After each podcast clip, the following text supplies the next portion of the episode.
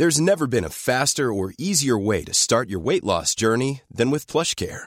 PlushCare accepts most insurance plans and gives you online access to board-certified physicians who can prescribe FDA-approved weight loss medications like Wigovi and Zepbound for those who qualify. Take charge of your health and speak with a board-certified physician about a weight loss plan that's right for you. Get started today at plushcare.com slash weight loss. That's plushcare.com slash weight loss. plushcare.com slash weight loss. Hey, Dave. Yeah, Randy. Since we founded Bombus, we've always said our socks, underwear, and T-shirts are super soft. Any new ideas? Maybe sublimely soft. Or disgustingly cozy? Wait, what? I got it. Bombus. Absurdly comfortable essentials for yourself and for those facing homelessness. Because one purchased equals one donated. Wow, did we just write an ad? Yes. Bombas. Big comfort for everyone. Go to bombas.com slash ACAST and use code ACAST for 20% off your first purchase.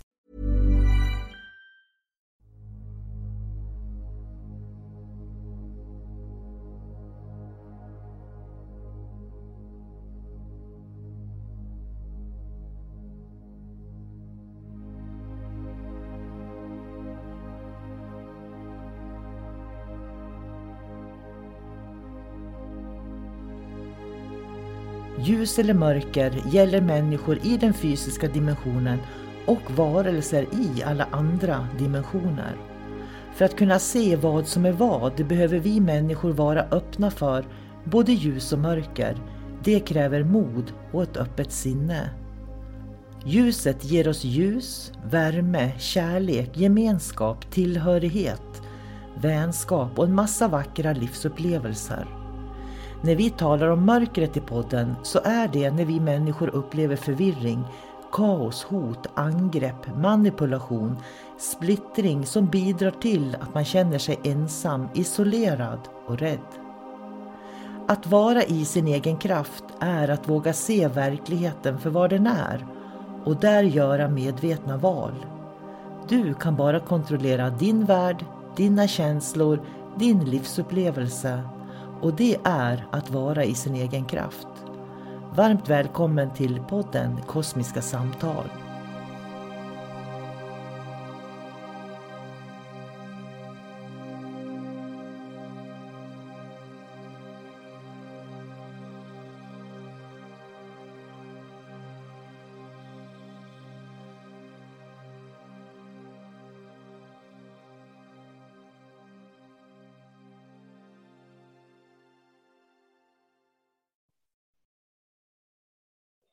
Hej och varmt välkommen till Kosmiska samtal som jag, sol karina har tillsammans med David Gran. Så jag säger god morgon, god morgon David. God morgon sol karina Idag tänkte vi prata om polariteter. Det här med, jag tänker på Wayne Dyer, han skrev i någon bok som jag läste för hundra år sedan att eh, eh, sanningen sitter i mitten och vet.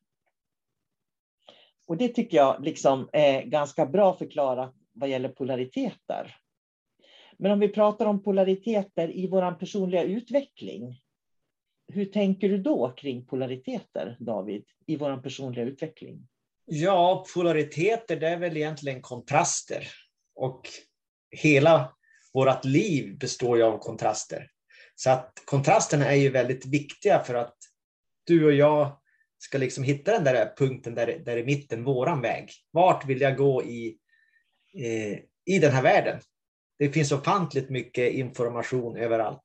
Men jag måste på något sätt skala bort eh, det som är gott från det som är dåligt, det som är ont. Ja, och hitta just det som är mitt. Och då måste man ju också lära sig att vara i kontrasterna först och främst. Jag tänker på det här med att man kan inte banka in kunskap i någon, som de brukar säga. Det är ett sånt gammalt ordspråk. Och det, det ligger en stor sanning i det, därför att på något vis måste man gå igenom och få egna erfarenheter och basera allting på.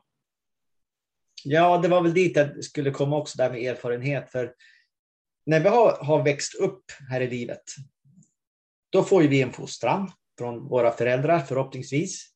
Och får vi det inte från våra föräldrar så då får vi det från eh, samhället och lärare och dylikt. Och det kan vara en bra resa eller det kan vara en dålig resa. Men i alla fall till slut så då kommer man förhoppningsvis till någon punkt i livet då man börjar inse att det här är ju inte mina åsikter. Det här är ju inte vad jag tycker kanske, utan allting som jag har lärt mig fram till den här punkten, det är bara erfarenhet. Och vad ska jag göra med den här erfarenheten? Ja, jag kan fundera och vända och vrida och så kan jag få kunskap av erfarenheten. Ja, för jag brukar tänka så här, varför tycker jag som jag gör? Så brukar jag tänka ibland att när jag tar ställning för olika saker, eh, varför tar jag ställning för det jag tar ställning för? Och när man ställer den frågan till sig själv, eh, är det är varför, för att om jag skulle säga det till dig, varför David tar jag ställning för det jag gör, då skulle vi ju få sitta och prata ganska länge om vem jag är som person och hur jag har kommit dit och sådär. Men om man då tänker att eh, eh, jag ställer frågan till mig själv, ställer jag frågan till mig själv, varför tycker jag att, eh, att eh, just så här i den här situationen till exempel, och, och, verkligen ärligt tittar på varför jag tycker som jag gör eller varför jag gör som jag gör, då kan man ju faktiskt lära sig någonting om sig själv. Och där kan man ta ställning till, ja men jag vill fortsätta ha de här åsikterna. Eller jag kanske vill ha andra åsikter. Och så ser man en annan sida av det. Det är intressant, eh, för då får ju du din sanning. Jag upplever ju att många människor som har en bestämd åsikt till exempel, de pratar ju bara med likasinnade människor för att få bekräftelse på att deras åsikt är rätt. Ja, de tyckte som jag, nu har vi en gruppering och så blir jag ännu mer stärkt i min övertygelse. Så man skulle kunna vända på det och säga så här också att har du en åsikt, en stark åsikt, gå och prata med de som har en motsatt åsikt. Och då kommer ni att få en väldigt bra diskussion. Och då blir dina åsikter ifrågasatta antagligen. Och det är väldigt nyttigt för dig, för då kan du gå hem sen på din kammare ta den nya informationen och så fundera, vad ska jag göra med det här? Vad tycker jag i det här? Men då, då finns det någonting väldigt intressant i det här, för att politiker gör ju faktiskt på det här sättet. Även om man kan tycka att olika politiska partier tycker väldigt olika och det finns en, en kamp och ett bråk mellan, mellan dem på olika sätt, så kan de ändå diskutera kring sina olikheter. Det jag tror är problemet är att människor de kan inte acceptera att andra människor tycker olika än de själva. Och det är det som skapar konflikter. Så att för att kunna göra det du pratar om så måste ju också bägge sidor vilja diskutera. Ungefär som i politiken då. Och jag har bara en tanke nu sådär, kan det vara därför som politiker inte är så populära? Därför att människor och folk tycker liksom inte de kan lita på dem och det är massa såna här saker. Men politiker för ju egentligen en väldigt demokratisk debatt. För är man icke-demokratisk, då står man ju på sig med vad jag tycker och håller på det, om man säger så. Är du med vad jag tänker? Ja, det är också väldigt många politiker som eh, har, de har fått på sig eh, en viss åsikt som de ska framföra. Men personligen så kanske de tycker någonting helt an, annat. Och det är, en konst, det är en konst i sig att kunna spela det spelet.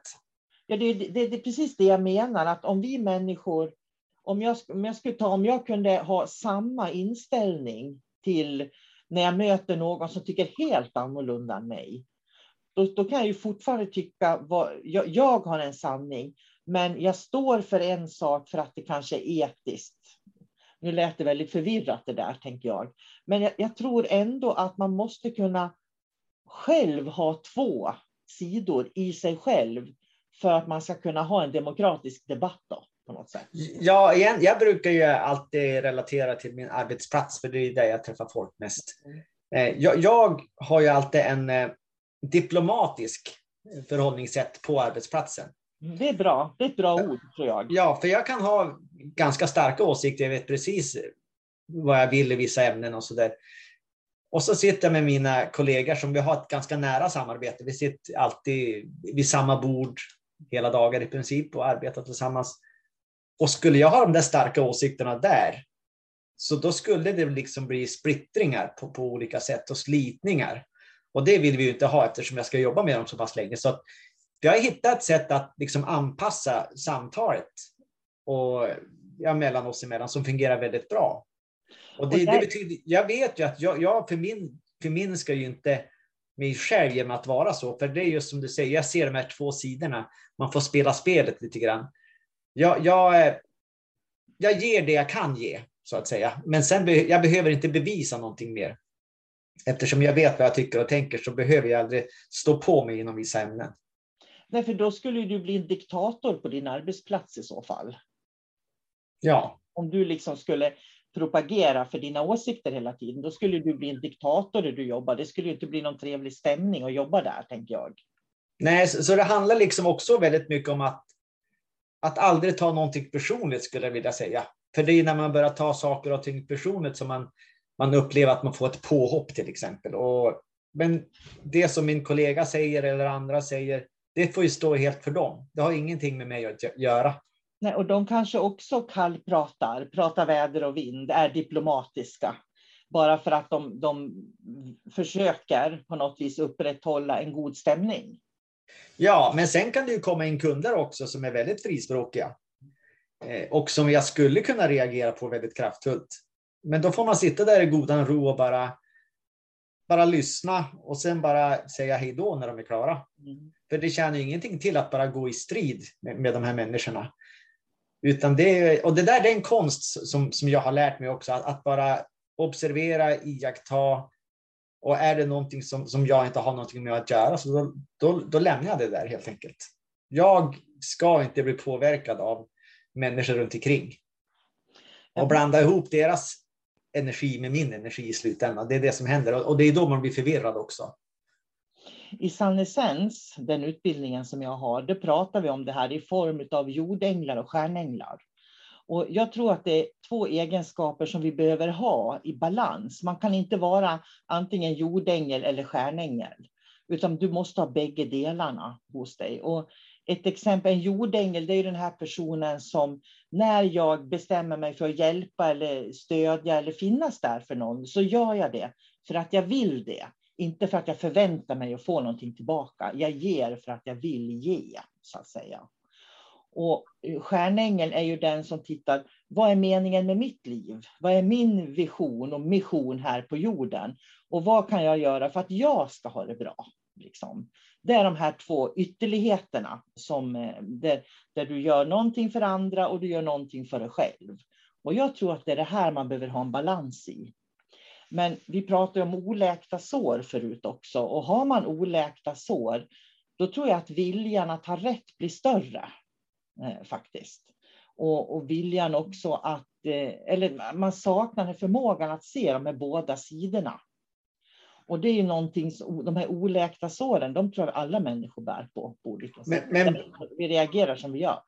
Ja, blir det inte så att man hamnar i ett känslomässigt tillstånd? Ja, man kan vara besviken eller ledsen eller vad det nu kan vara. Och då tar man sig inte ur, ur det känslotillståndet. Och har man varit där väldigt länge, så då blir det ens normala. Mm. Då vet man inte hur det är att vara glad eller eh, framåt eller lycklig. Utan så fort man är på väg åt det hållet, då blir hela kroppen blir orolig. Var är mitt grundtillstånd? Vilket är att jag är ledsen. Eh, och då söks man tillbaks dit direkt. Jag ska tillbaks till originaltillståndet. Jag tror att kroppen fungerar så, eller hjärnan på något sätt. Och då är, det, då är det svårt att ta sig ur också. Men det här är så intressant för att tittar man på människor som blir utmattade och utbrända till exempel. Varför blir de det? Jo, därför att de försöker på något vis vara någonting i samhället som de egentligen inte är. Där ute, så att säga. Och när du då har, har eh, insett att du är utmattad, enda sättet att komma tillbaka till ett liv, det är att börja fokusera på dig själv.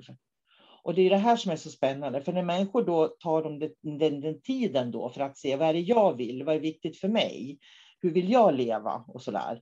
Det är ju där de gör såna här svängningar sen och byter yrke och börjar med något helt annat, flyttar till en annan stad, börjar på ett nytt jobb, gör någonting helt annat. Därför att då har de liksom, de vet att den där bilden av hur jag trodde det skulle vara fungerar inte med bilden av hur jag vill att det ska vara. Nej, och det är väl jättesunt att man gör en, en omvärdering på det sättet. För gör man det inte, då kommer man antagligen att börja arbetsträna på samma arbetsplats där man har vantrivts. Och så ska man öka i tid där. Och det, man har inte löst något problem helt enkelt. För man vart ju utbränd av någon anledning. Och då är det väl kanske dumt att gå i samma fotspår. Det kanske är ett jättebra jobb, men du kanske måste göra lite andra saker eh, under tiden för att sen komma tillbaka dit. För att det är någonting du måste lära dig. Jag tänker på det här med rutiner också. Hur lätt det är att fastna i rutiner och inte se att man har val. Det är så himla lätt att gå in i det här ekorrhjulet och inte se att jag faktiskt kan välja. Allting är, är, består ju av val. Det är allting vi har här i livet. Det är många som säger jag har inget val. Typ, man har alltid val. Alla våra liv eh, bygger på val. Samhället bygger på val. Alla har gjort beslut och det, och det har skapat vår framtid hittills. Ja, för vi lever ju i ett polärt samhälle och vi har ju ett hjärta och vi har en hjärna. Så jag tror att, att tro att man bara kan leva icke-polärt, det tror, då, då, skulle det ju inte hända någonting. Då skulle man ju vara i ett stillestånd på något vis. Men jag tror att det är stilleståndet då, det är det som är sanningen som är i mitten, som vet på något vis. Och när man är där, då har man inget behov åt något håll, tror jag. Och jag känner att det är väldigt förvirrat, för jag vet inte riktigt hur jag vill uttrycka, för jag har mer en bild av hur jag ser det på något vis, det här polära. Eh, också att jag kan, jag tänker på människor som jag möter också som är så fast i bara en sån sak som att leva i det förflutna eller i framtiden. Det har en typisk polaritet egentligen. En del människor de, de är liksom, sitter ju fast bara i det som har hänt hela tiden. Ja. Medan andra bara går och drömmer om det de vill ha. Men de gör ingenting. Så att det är så lätt att man fastnar antingen i framtiden eller i det förflutna. Istället för att vara här och nu och veta att det förflutna är min erfarenhet som kommer att ta mig mot målen som jag har där framme. Till framtiden. Ja. Vi, vi kan ju bara leva i nuet. Nuet är ju det enda som existerar. Man är ju alltid här och nu. Det är ja. min filosofi i alla fall. Och i nuet så kan jag uppleva det förflutna och jag kan fantisera om framtiden. Men det, det är ju alltid fr från nu som jag gör det. Och det är ju där jag menar att sanningen sitter i mitten och vet. Därför att när, när, du vet någonting så är det du som vet någonting. Det innebär inte att det är sanningen för alla andra, utan det är din sanning som du vet. För det är den som får dig att förhålla dig till livet på olika sätt. Men min sanning, den, är ju, den betyder ju ingenting utan erfarenhet heller. Så att jag tror också det är nyttigt att, att eh, ompröva sin sanning då och då med mer information utifrån. Och nu, nu vet jag vad jag tycker i det här ämnet och så finns det mer information om samma ämne. Då plockar jag in mer och mer och mer hela tiden. Så att sanningen kommer att förändras. Det är bara att titta på sig själv när du var tio år. Då hade du en sanning. Och så sen när du var 30, då har du en annan sanning. Hur kan det komma sig? Ja, för att du har blivit överbevisad av massor med annan information. Och så har du utvecklats och fått en ny sanning. Och, och det är väl så livet måste vara också. Jag tror att sanningen är även om man pratar om här och nu som ett tillstånd, så, så tror jag att sanningen ändå är eh, flytande. För jag tror att sanningen den liksom går in, den väver in i det förflutna och i framtiden hela tiden. Och, det, och har du en balans där, precis, så tror jag också att man eh, kan kliva ur polariteter. För att kliva ur polariteter, det är ju för mig att ha en balans på något vis. Jag tänker så här att i samhället idag, det finns liksom åsikter om hur man ska träna eller röra sig, hur man ska äta, hur man ska leva, hur lycklig man ska vara och vad man inte får göra. Alltså det finns några osynliga regler på något vis. Och de där osynliga reglerna är ju, det finns ju ingen balans i det egentligen. Det är ju det som är holistisk eh, hälsa för mig till exempel. För att holistisk hälsa, det innebär ju att jag kan lyssna på mig själv, vad jag behöver överhuvudtaget i livet. Och det är för mig sanningen som sitter i mitten och vet. Och det är liksom att ha balans i relation till polariteter. Ja, och det blir i kontra med, jag skulle vilja, nästan vilja säga propaganda. Människor som, som hela tiden väljer att ta det som serveras som sanning. Du vet på, på alla löpsedlar och alla tidningar runt jul och nyår och, och påsk och då är det hela tiden dels så är det massa recept på god mat och så sen är det alltid hur man ska banta för att gå ner sina kilon efteråt den där högtiden och dylikt. Och, men, människor köper ju det där rätt av. Många gör det. Så att man måste hitta det här äh, sättet att, att just börja ifrågasätta. Och jag, för mig när jag går och handlar i affären och så går jag förbi de här tidningarna, jag läser dem inte ens längre.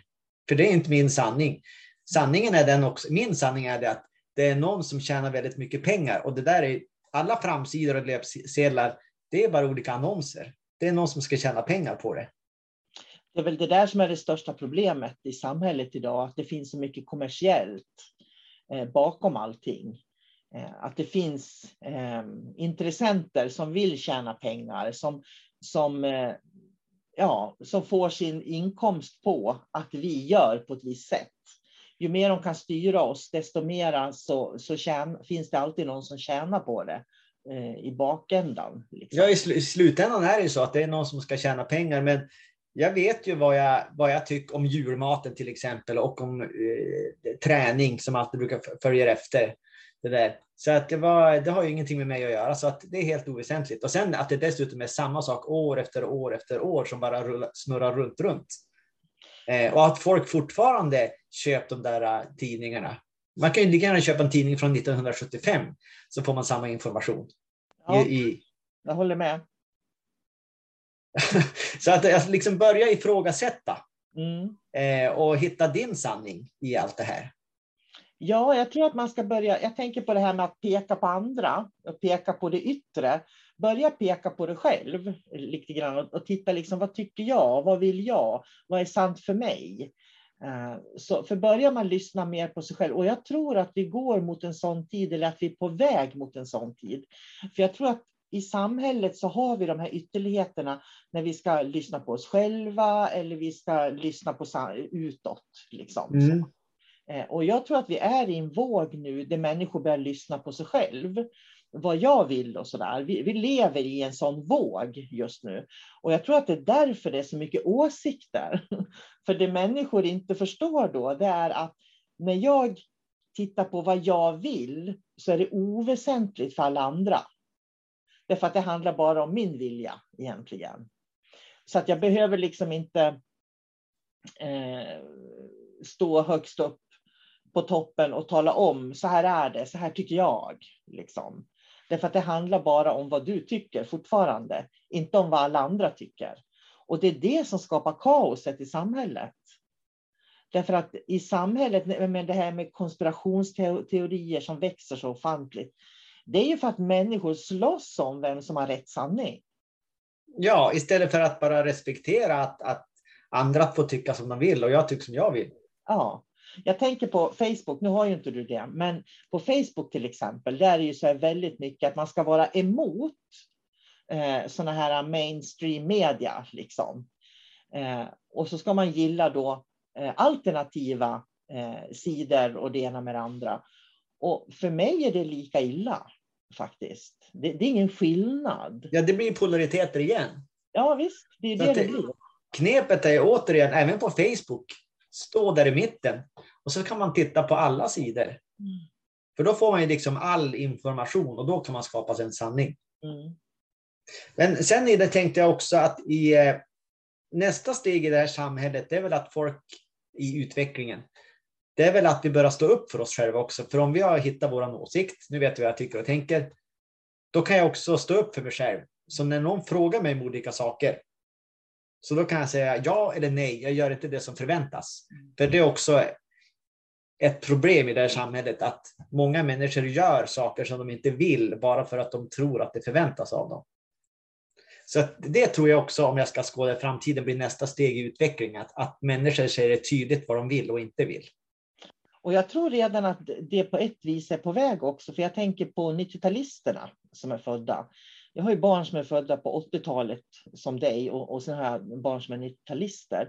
Det jag tycker är intressant som jag kan se bland 90-talisterna, det är att de börjar förstå att de kan göra egna val på ett sätt som inte alltid 80-talisterna förstod, utan där gick man i mammas och pappas fotspår och man gjorde som det förväntas av en och liksom eh, det här med jobb och, och hus och, och, familj och det ena med det andra. Medan dagens, eller 90-talisterna som jag känner dem då, för jag känner ju bara till dem, jag vet ju inte de som har kommit senare då så att säga, kan jag se att de har mer börjat ifrågasätta vad vill jag göra? Så att de tittar mer på vad de vill mot vad som förväntas av dem. Och problemet är att samhället är inte, eh, det fungerar inte för att, att vi har inte ett samhälle som bygger på att var och en kan gå sin egen väg. För vårt samhälle har, är präglat av att vi är beroende av varandra på olika sätt. Men där finns väl också de här äh, polariteterna. Där, återigen så måste vi vara någonstans där mitt, mitt emellan. Naturligtvis ska man göra som man vill. Men det, det finns ju fortfarande liksom regler hur man kan bete sig. Mm. Jag kan ju liksom säga, ja men jag ska bli en diktator och jag ska göra det här och det här och ska, skaffa mig ett eget land som jag ska döpa till Davidlandet. Med. Nej, vänta nu. Det där är fantasi. Så att då, backar vi. Jag, jag är fortfarande en del av det här samhället. Så att man måste ju ha det här liksom, det kollektiva måste man ha med sig och även den här, den här egna resan också. Jag tycker det där är jättebra det du sa nu David, därför att det jag kan se när det svänger i polariteterna, att det blir antingen eller, det är att man tappar det gemensamma ansvaret. Eh, så när det, när det handlar om att jag ska bygga upp mig själv och lita på mig själv och lyssna på mig själv och förstå vem jag är, så innebär inte det att hela samhället är fel. Liksom. Utan jag är fortfarande en del av samhället. Jag är fortfarande en del av samhällsstrukturen. Och jag tänker på, det är det här som, som jag tror tar tid att vända. Man kan inte vända en samhällsstruktur över en natt eller på ett år. Det tar tid. Det är, ja, men, utveckling. det, är det här ja, som är utveckling. Det är väl så i samhällelig utveckling också. Vi, menar, vi behöver ju arbetskraft. Om alla får för sig att de ska starta eget och eh, plocka svampar eller vad det nu ska vara. Vem ska då bygga hus till exempel? Och eh, vem ska odla mat så, så, att det fungerar för ett, ett helt land? Att, någonstans måste man vara realistisk där mittemellan också. Och det är där vi befinner oss idag, kan jag se. Eh, vi befinner oss i att människor förstår inte alltid, tror jag, att de fortfarande är en del av samhället. För att också det här med Facebook, att man kan se hur de klagar på samhället på olika. De klagar på vården för att de inte får rätt hjälp, man klagar på polisen, man klagar på alla möjliga samhällsinstanser och glömmer att det är vanliga människor som sitter bakom på alla de här positionerna. Liksom. Sen så kanske jag upplever också att det saknas väldigt mycket tacksamhet här i, eh, här i världen. För du sa ju det att folk klagar så mycket. Och det är klart att i viss mån så är väl en klagan bra för att man vill ju utvecklas och gå framåt. Men man också kanske ska vara tacksam för att jag har gratis skola och jag har gratis mat och så tittar man på alla länder runt omkring hur det ser ut där. Så kan man säga, men jag är så tacksam för att jag får vara här och nu. Eh, jag har i princip fri läkarvård. Ja, men vi betalar ju skatt naturligtvis. Och tandläkare upp till när man är 20 kanske, gratis tandvård. Jag menar, det är ju jättebra förmåner egentligen. Och så att man måste samtidigt känna tacksamhet samtidigt som man ställer krav på en, en bättre utveckling. Mm. Och då är man också mittemellan. Och då kommer man tillbaka till det här diplomatiska samtalet som vi pratade om i början, eller vad, vad, vad det demokratiska samtalet är. Att jag kan ha en åsikt om vilja, men jag måste balansera det med polariteten, med samhället, med övriga världen. Så att eh, jag är ingen kung eller diktator med röd matta när jag går fram genom livet, utan jag är en del av alla andra människor som också har egna åsikter och känslor och tankar, vad de vill och inte. Jag fick en, en, en bara en tanke nu. Eh, har du stött på någon gång, jag har gjort det, men det är bara roligt om, om, om andra också kan känna så. Har du stött på någon gång i ditt liv en människa som är yngre än dig? Och så kan du se den människan i dig. Och så kan du se den okunskapen som den har som du visste att du också hade då. Mm. Och så tänker man så här, ska jag säga någonting till den här eller ska jag bara låta den vara? Har du råkat ut för det? Ja, självklart. Och den kloka människan inser ju att aha, det är där de är just nu. Och jag tänker på, jag har ju barn som är nästan i din ålder faktiskt. Och det gör att jag har sett det genom mina barn. Mm. Jag kan se liksom att eh, okej, okay, de är i den fasen nu. Fast de är 25 eller 30 eller 35. Precis som jag kan se på dig också. att du är i en viss fas. Jag kan se att när man är i 40-årsåldern så är man i en viss fas. Och det jag kan se David, det är att det är väldigt lika för alla människor. Jag tror inte att det är så olika. Jag tror att den utveckling, processerna vi går igenom till lärandet och hitta oss själva är väldigt lika mellan människor faktiskt. Sen finns det ju de som är som 14 år fast de är 50 naturligtvis. Så. Och så finns det de som är alldeles för lillgamla, som hur man ska säga, när de är väldigt unga. För de har fått, ut, de har fått växa upp väldigt fort, om man säger så. Men jag, definitivt så tror jag att det du sa nu är ganska viktigt att tänka på, för att det finns två alternativ där också. Antingen kan du se var de befinner sig och ha, ha förståelse för det, var de är i sin utveckling. Eller också så om du inte kan förstå dem, då kanske det är tvärtom, att du kan lära någonting. Är du med? Jag tänker, mm, jo. Antingen så kan vi se var de befinner sig eller också kan vi lära oss någonting av dem. Jag tror det. Och det där balanserar sig för att jag har barn då mellan 25 och 40 år, om man säger så.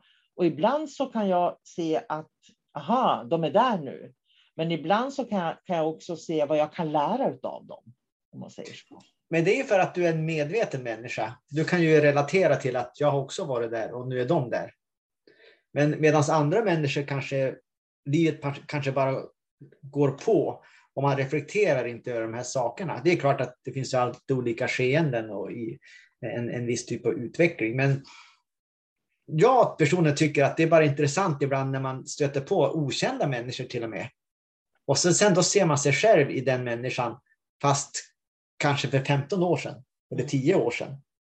Och någonting händer i, i mig då, liksom det här att nästan som att man blir den människan, man förstår att man är samma människa på något sätt. Det, det, på något sätt blir det nästan som att man gör en sån här framtidsresa. Eh, att, är det jag från framtiden som kommer hit och hälsar på mig själv? Eller, så att allting går ihop igen på något sätt. För mig blir det så. Det kan bli såna här tankevurper. Jag tror det ska få bli avslutande ord, för nu har vi pratat 30 minuter, så vi ska avrunda där faktiskt. Ett intressant samtal. Eh, tack för idag David. Ja, tack själv. Mm, vi mm. ses och hörs. Hej då. Hej då.